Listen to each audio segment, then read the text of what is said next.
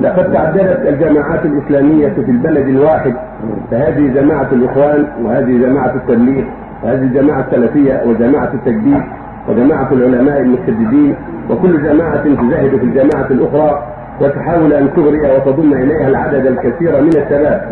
فما نصيحة سماحتكم تجاه ذلك؟ سمعتم كلام الشيخين في هذا الموضوع ولا ريب أن تعدد الجماعات فيه خطر كبير.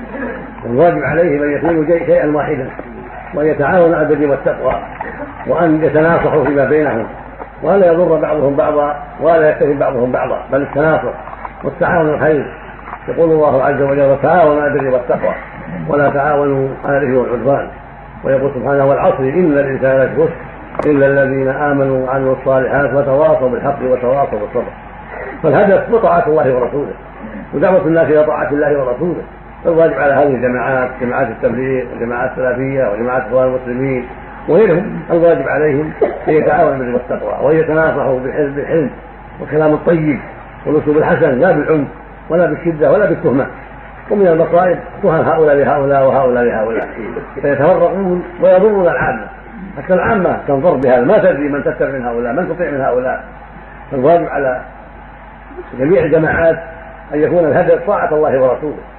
لا مجرد تحصيل المال أو كثرة الأتباع ولكن يكون الهدف طاعة الهدف طاعه طاعة الله ورسوله. كل منهم إذا كان هذا هدف هذا هدفه تجمعوا على وتعاونوا على البر والتقوى.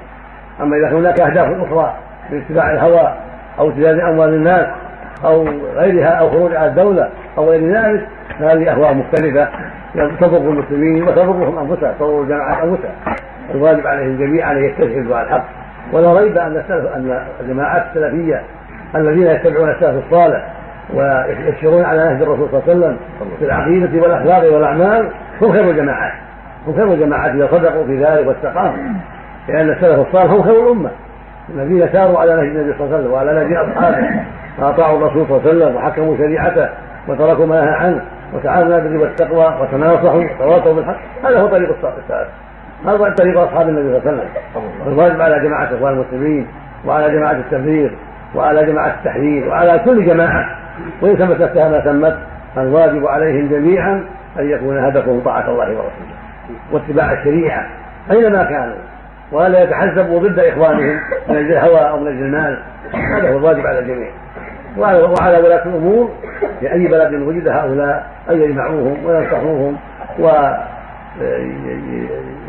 يعمدوا العلماء بالنظر في شؤونهم حتى يوجههم الوجهة الشرعية وحتى لا يتنازعوا ولا